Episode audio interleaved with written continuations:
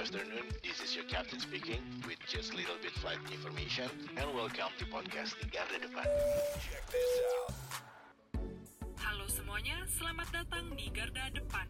Bersama Neisa di sini, kita akan mendengarkan cerita-cerita dari para garda terdepan dalam mengawal COVID-19 di Indonesia.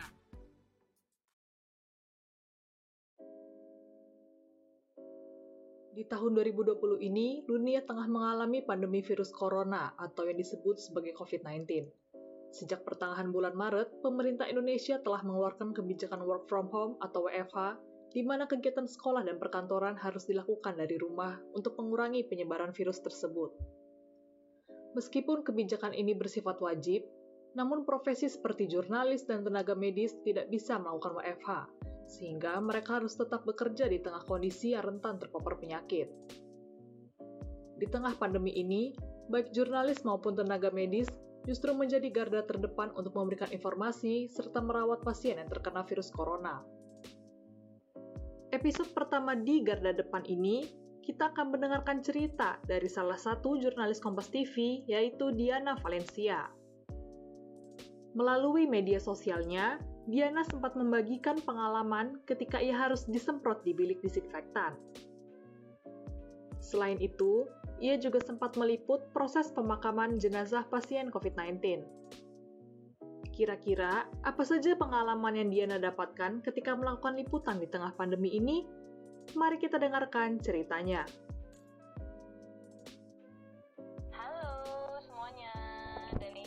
Pendengar yang mungkin nanti pendengar-pendengar yang tidak terlihat ya. Iya, apa kabar kak? Baik, baik. Ini kebetulan kalau kita lagi ngomong pas aku lagi libur. Oh, lagi libur ya? Jadi keadaannya baik dan cukup istirahatnya. Puji Tuhan. Jadi jurnalis TV kan sibuk banget nih. Boleh diceritain nggak kak, gimana rutinitas pekerjaan kakak akhir-akhir ini semenjak COVID-19?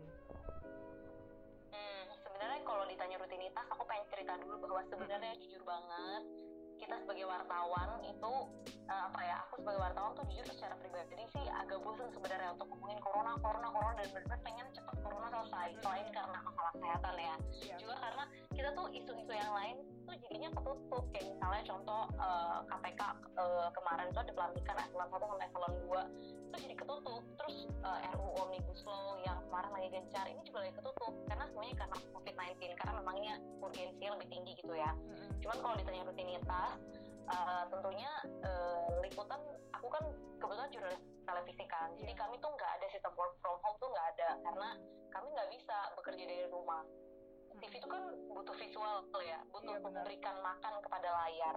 Jadi kita nggak bisa bekerja di rumah. Mungkin ada beberapa yang bisa uh, minta SOT, salam antep, minta wawancara via WA. Maksudnya uh, kita minta narasumber untuk uh, kirim videonya, mereka ngerekam sendiri gitu. Tapi kan itu ketika dinaikin ke TV hasilnya nggak maksimal kan. Kamu tahu sendiri iya. bagaimana kualitas handphone mau sebagus apa pun pasti lebih jelek dibandingin kamera TV yang biasa begitu. Um, tapi kalau di kantorku sendiri kita liputannya seperti biasa, tapi tentunya dibekali dengan sejumlah senjata sebenarnya kayak uh, masker wajib pakai, terus hand sanitizer itu kita, kita bawa botol kosong, terus uh, nanti isi ulang kalau misalnya habis. Terus kami juga disediain bilik disinfektan, jadi kalau pulang liputan semprot-semprot terus. Um, kemudian karena kita nggak bisa WFH kita tuh dikurangi jadwal jadwal uh, masuknya. Jadi misalnya biasanya kan kerja tuh uh, lima hari masuk dua hari libur ya kan? Yeah. e, ini sekarang jadwalnya jadi tiga hari masuk dua hari libur. Terus ntar tiga habis dua hari libur masuk lagi tiga hari gitu-gitu sih. Rutinitasnya hampir mirip seperti uh, keadaan pada biasanya cuman perbedaannya dua lebih ke jam waktunya lebih dikurangin jam kerjanya sama yang kedua barang-barang yang dipersiapkan sebelum liputan tuh juga uh, lebih banyak gitu. Itu sih palingan rutinitasnya sejauh ini kayak gitu. Selama bekerja nih kan kakak wajib memakai masker. Apakah kalau ketika melakukan live report gitu kakak nggak merasa terganggu? Cerita. Kalau misalnya kan ngomongin soal masker nih kebetulan ngomongin soal masker. Yeah suka duka dukanya dulu ya. Dukanya pas lagi di pandemi. Covid tuh liputan pakai masker tuh susah loh. Ketika kamu harus live report. Jadi tuh aku kan masih wartawan baru ya. Jadi aku tuh masih belajar untuk bisa live report tanpa harus ngos-ngosan.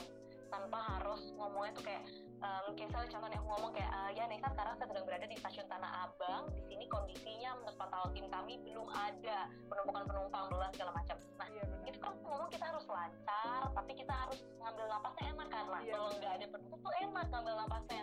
Tapi waktu pertama kali aku liputan pakai masker itu aku ngos-ngosan banget. Dan ketika aku lihat hasil rekamannya itu jelek banget karena kedengeran nafasnya Napasnya karena gitu. nafasnya mau nggak mau ambil nafasnya kan kayak Iya benar. lebih besar kan Iya. Eh, jadi kayak waduh ini harus disiasati tapi ya namanya protokol kesehatan ya tetap harus dilakukan ya itulah Nah, nafas kakak kan jadi kurang maksimal gitu ya. Itu cara menyiasatinya bagaimana kak?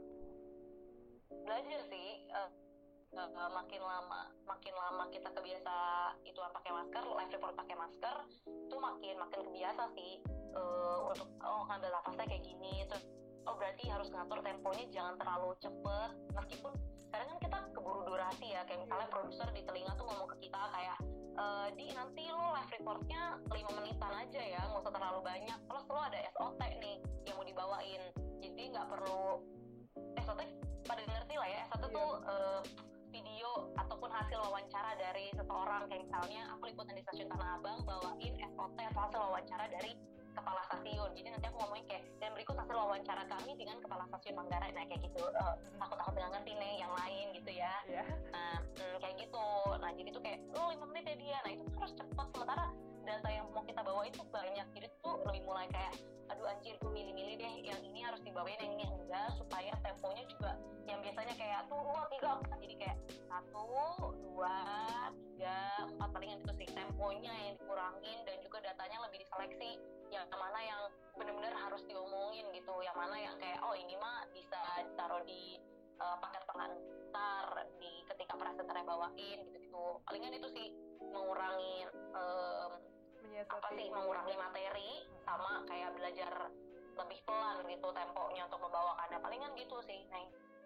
Bagi para jurnalis, bertemu dan berinteraksi dengan banyak orang sudah menjadi rutinitas sehari-hari.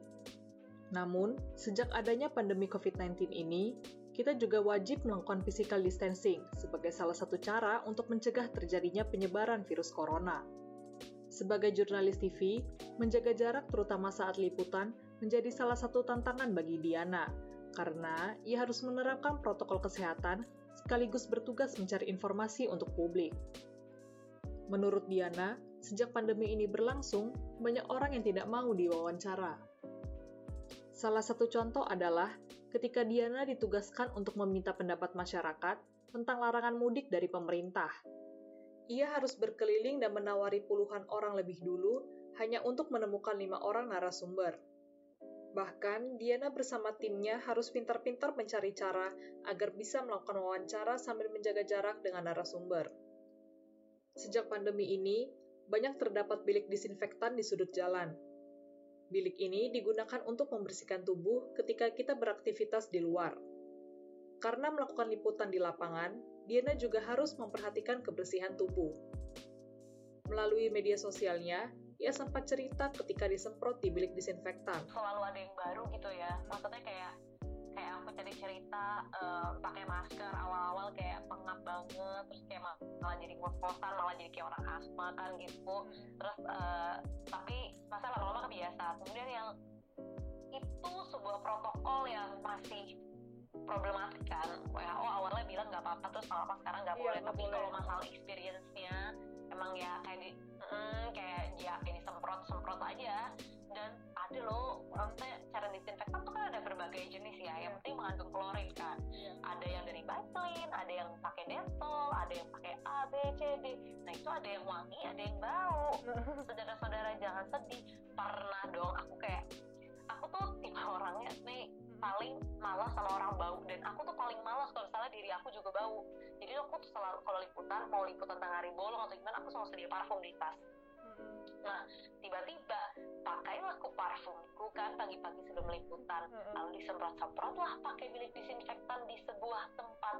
Dan kebetulan cairannya bau iler. Aku nggak ngerti deh dia pakai apa Dia pakai bau iler sumpah.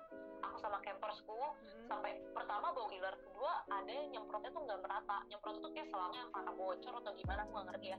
Jadi kita kayak basah banget bener-bener kayak ya ampun ini liputan belum liputan tapi udah puyuh kayak kehujanan jadi gitu Ci kayak iya kayak Aduh. hujan gede makanya Heeh. kayak aduh kayak makanya kalau lihat semprot-semprot bilik disinfektan aku sebelum masuk tuh aku ngeliat dulu orang kayak ini eh, apa cairannya bener apa enggak nih selangnya malas banget kalau kayak diguyur lagi Iya. soalnya kan bukannya gimana ya kita kan jurnalis TV kan kalau misalnya apalagi kalau misalnya aku dapat bagian proyeksi live gitu kan di depan di depan kamera tuh harus maksudnya on point Prima gitu ya, gitu ya. Iya gitu. Prima gitu. Terus kayak tiba-tiba rambutnya lepek kena gitu kan kayak aduh PR banget. Nanti tiba-tiba produser ngomong eh di itu eh, kenapa rambutnya ya? Kita kan juga bingung ngomong iya bang kena semprot bilik disinfektan kan lucu gitu Iya. jadinya ya gitulah. Jadi pengalaman emang banyak sih hal yang baru yang aku hadapin. Salah satu ya ya ikut bukan ikut ya ya mengalami disemprot-semprot di bilik disinfektan itulah dengan berbagai jenis baunya Oke, itu kan tadi cerita Kak Diana tentang gimana sih caranya menjalankan protokol kesehatan sekaligus bekerja. Nah, kalau pas lagi liputan nih, ada pengalaman yang paling nggak terlupakan nggak? Khususnya pada saat pandemi ini. Kemarin tuh kebetulan pas banget nih satu hari sebelum aku libur aku tuh liputannya cukup menantang. Jadi pas mal jadi tuh aku kebiasaan kalau kita nih wartawan di Kompas TV itu biasanya satu hari sebelum itu kita dikasih plottingan. Plottingan tuh agenda misalnya kita harus ke mana besoknya Eh, misalnya Diana sama Nesa ya itu besok pergi KPK gitu kok. Nah, jadi kita malamnya bisa riset dulu. Oh, di KPK lagi ada isu apa ya? Oh, ada pelantikan eselon 1 eselon 2. Oh, di KPK nanti ada A, B, C, D. Nah, awalnya plottingan aku pas malam itu cuma ke KPK. Tapi besok pagi berubah. Pertama di KPK, kedua aku disuruh meliput prosesi pemakaman jenazah positif COVID-19.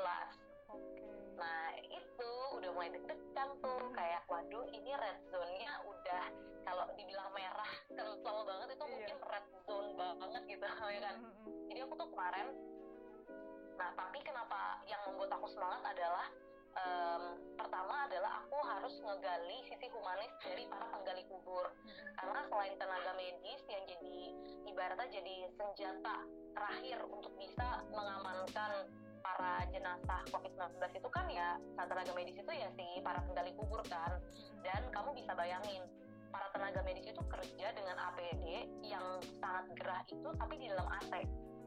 Yang artinya mereka potensi untuk kegerahannya tuh ya sekitar 70% lah. Lebih. tapi sementara kalau tukang gali kubur mereka tuh kerja dengan menggunakan APD di bawah terik matahari. Mereka harus ngegali kamu bisa bayangin seberapa panasnya. Dan di situ aku semangat sih untuk kayak Iya. oh ini ada beberapa ada beberapa kisah nih yang belum ke cover. Jadi aku kayak oh iya asik nih kayaknya kalau kalau tahu. Dan em, kalau misalnya ngomongin kemarin eh, berbahaya atau enggak iya berbahaya. Tapi kebetulan kantorku udah memberikan banyak eh, perhatian gitu ya. Aku dikasih APD lengkap kayak eh, yang dipakai sama tenaga medis itu. Jadi dari eh, kepala sampai kaki itu semuanya ketutup. Dan sedihnya uh, uh, kalau misalnya aku boleh cerita ya di sana Iya. tuh sebenarnya mereka tuh makanan minuman uh, dan APD itu sebenarnya mereka ter tercukupi ya gitu ya. Ini untuk yang maaf, adalah ini untuk yang tenaga Para- medis, para penggali kubur atau para penggali kubur, kubur, para ya. penggali kubur aku uh, aku cerita soal liputanku dulu ya Oke, para ha. penggali kubur kemarin jadi tuh mereka tuh gak dikasih sampai sekarang tuh mereka belum pernah rapid test gitu loh Mm-mm.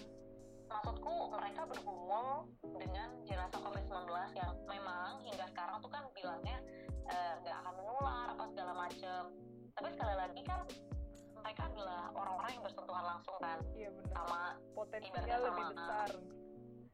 Iya makanya menurutku kayak oh ini pemerintah ada sih posko kesehatan cuman cuman ngukur tensi sama suhu tubuh dan kita tahu itu bukan jaminan 100% kalau mereka tidak terpapar COVID-19 maksud aku orang-orang kayak gini nih yang harus diperhatikan sebenarnya.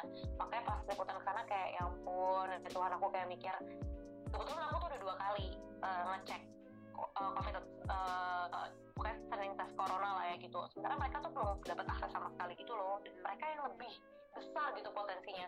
Makanya kayak aduh gila-gila ini bahasan banget sih yang harus diperhatiin. Jadi kayak kemarin tuh menantang tapi sekaligus kayak membukakan mata bahwa emang pandemi ini tuh berbahaya buat semua orang gitu loh. Dan emang nggak boleh setengah setengah nggak boleh setengah setengah gitu untuk ngadepinnya gitu. Wah ini menarik sih, karena selama ini yang menurut kita punya potensi tinggi tertular COVID itu kan jurnalis dan tenaga medis aja ya. Tapi ternyata tuh masih ada dan mungkin banyak juga profesi yang nggak bisa WFH. Salah satunya ya kayak penggali kubur tadi. Kalau dipikir-pikir, justru profesi seperti tukang gali kubur punya resiko tertular virus corona yang nggak kalah tinggi. Apalagi kan kalau mereka tidak menerapkan protokol kesehatan yang benar. Kan aku juga sambil ngobrol kan sama mereka kan kayak setengah teriknya matahari mereka masih bisa ketawa-tawa masih bisa bercanda-bercanda karena mereka mereka tahu resikonya gitu loh. Mereka bercanda bukan bukan berarti mereka nggak tahu resikonya tapi mereka tahu. Cuman kayak mereka bilang kayak seminggu dua minggu awal tuh mereka kayak aduh gimana nih? Kayak ngeluh terus apa segala macam kayak aduh takut pulang ke rumah. Bahkan ada yang nginep di rumah temennya yang masih bujangan karena takut pulang ke rumah kan anaknya nempel kan sama dia. Iya. jadi kayak dia uh, selama seminggu dua minggu awal tuh pulang ke itunya dulu Ke rumah mereka temannya. uh, sekarang iya tapi sekarang sekarang tuh mereka kayak udah udah mulai bercanda kayak udah mulai santai gitu karena kayak uh, apa ya udah ada penjelasan gitu dari pihak uh, tenaga medisnya entah itu dari pemprov atau dari mana aku nggak ngerti dari kemarin mereka ngomong itu uh, untuk menjelaskan ke mereka protokol kesehatannya yang penting A B C D selain itu selain misalnya selain uh, itu nggak masalah gitu nggak akan menular ke mereka. Jadi mereka bisa lebih aman dan lebih santai. Terus uh, di, di minggu kan kalau saya udah minggu keempat deh mereka uh, gali kubur buat para jenazah COVID-19 karena aku ke TPU Pondok Rangon BTW um, udah empat udah minggu keempat jadi mereka udah lebih memahami gitu soal protokol kesehatannya sih itu sih. Kerja di tengah pandemi ini kan resikonya tinggi sekali ya. Bahkan banyak juga jurnalis yang sampai tertular COVID. Nah, kalau Kak Diana sendiri nih, punya tips atau cara khusus nggak sih buat menjaga diri dari virus ini? kebetulan juga ya kalau di Kompas budayanya saling menjaga sih. Jadi kayak misalnya senior senior tuh bilang nih kamu udah makan belum? Nih nih nih nih apa segala macam terus ada yang bagi-bagi empon lah ada yang eh, ngasih tahu vitamin yang ini lah vitamin yang itu lah. Jadi kayak di tengah pandemi ini tuh kita saling ngejaga satu sama lain gitu loh. Kayak ih lu udah pilek tuh udah izin izin sama kantor lo harus istirahat Eh, dan bukan cuma sesama reporter ya bahkan presenter juga. Kayak misalnya nih waktu itu aku pernah lagi bindang emang lagi pilek kan. Tapi eh, aku masih masuk tuh pas itu. Terus kayak hmm, langsung eh, setelah aku live terus langsung ditelepon sama presenter. Eh, eh, ada namanya Kak Stefani Ginting. Di kamu dengar kamu tadi live-nya bindeng ya? Kamu nggak mau istirahat aja. Minta deh ke bang eh, ada ke atasanku minta deh ke bank ini buat eh, apa kamu istirahat jangan maksain Ternyata nggak cuma memperhatikan diri sendiri, tapi kesehatan rekan kerja juga perlu diperhatikan ya. Eh, selama bekerja di tengah pandemi nih, kakak pernah merasa hampir sakit nggak sih?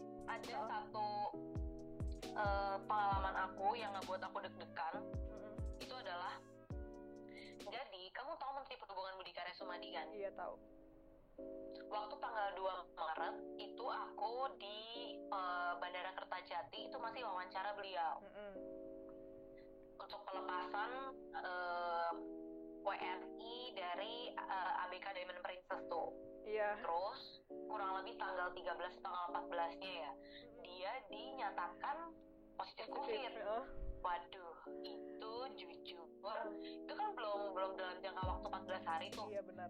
tuh aku benar-benar kayak khawatir banget sih kayak ya Tuhan Yesus ini aku gimana ya? Akhirnya aku ditelepon kantor. Diana kamu istirahat dulu di rumah. Nanti lusa kamu medical check up ya di waktu itu aku ke RSPAD gininya RSPAD Gatot Subroto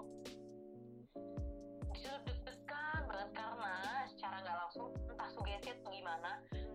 Aku tuh memang sempat sakit sempat drop. Yang pilek tadi aku Iya. bilang pilek dan uh, agak batuk. Dan aku ngerasa lumayan sesak nah jadi mulai lah. Tapi itu baru asumsi ya baru self apa sih ngomongnya self diagnose gitu deh. Iya.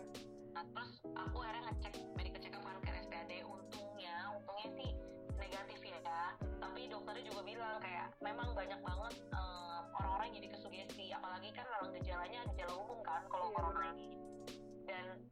lucunya adalah dokternya tahu gak kamu kenapa ngerasa sesak? Kamu tuh kurang minum air putih. Kayak kelihatan aku nggak tahu ya dokternya bisa lihat dari mana. Nah ini kamu merasa nafasnya berat. Itu juga bisa karena kurang air putih. Makanya dari itu kayak aku udah nggak pernah lagi bawa uh, botol yang kecil sama botol yang gede. Berat berat bodo amat deh. Kalau misalnya emang bawa botol yang kecil ya udahlah. Kalau itu beli lagi beli lagi terus isi ulang atau gimana. Yang jelas aku selalu bawa uh, botol gitu supaya minum air gitu supaya ya gitulah di dibilang dibilang dokternya kan kayak gitu daripada sugesti mulu tapi memang benar sih, sugesti dari diri sendiri itu suka lebih bahaya. Kita ini sebenarnya sehat, tapi karena pikirannya enggak-enggak, ujung-ujungnya malah kita tuh juga jadi sakit. Gejalanya umum ya, kayak pilek, batuk, ya ampun, kita juga jadi takut. takut. Meskipun harus turun ke lapangan di tengah pandemi, ternyata tidak berpengaruh pada semangat Diana sebagai seorang jurnalis. Ia justru merasa mendapat kemewahan karena bisa menjadi garda terdepan untuk informasi penting. Bagi Diana, ketika ditugaskan ke tempat yang resiko terpapar virusnya tinggi, itu jadi sebuah kondisi di mana ia harus melatih mental dan kedisiplinan. Tidak hanya dibutuhkan keberanian, tapi ia juga harus mementengi diri agar tidak terpapar virus. Saya rasa para jurnalis pasti akan setuju dengan kalimat tidak ada liputan seharga nyawa. Begitu juga dengan Diana. Menurutnya, meskipun berhasil meliput ke lokasi berbahaya, tapi ujung-ujungnya sakit dan tidak bisa lanjut lagi menjadi jurnalis, maka semuanya akan percuma. Kalau aku hitungannya kan baru lima bulanan nih jadi wartawan. Tetap pa pasti masih semangat lah di lapangan. Karena banyak hal-hal yang ditemui masih baru untuk bisa mencari teman, mencari ilmu, untuk bisa uh, oh kalau breaking soal uh, in apa ya pandemi covid tuh harus hati-hati ngomongin masalah A B C D. Oh kalau ngomongin masalah ini tuh harus uh, nyarinya ke A B C D gitu-gitu. Bagaimana kita bisa memperluas koneksi memperluas pengalaman. Terutama di yang mungkin aja jurnalis yang udah um, apa yang ngomongnya ya? Mungkin udah generasi udah lewat gitu belum ngalamin hal ini juga gitu gitu loh. Ngerti sih kayak ini nggak di nggak dialami jurnalis. Senior. Nggak nggak dialami setiap jurnalis gitulah ya yang di generasi generasi ini aja kan yang iya, ngalamin ya, benar, benar. untuk jadi jurnalis di tengah pandemi gitu loh. Itu sih palingan yang buat aku semangat. Kita sudah mendengarkan cerita Diana Valencia, jurnalis Kompas TV yang harus bekerja di lapangan pada pandemi COVID-19. Ternyata, selain jurnalis TV, jurnalis online atau media cetak sekarang telah menerapkan sistem WFH. Kira-kira seperti apa kisah para jurnalis online yang harus melakukan WFH, sekaligus memenuhi kewajiban memberikan informasi terkini bagi masyarakat? Nantikan cerita mereka dalam episode di Garda Depan selanjutnya.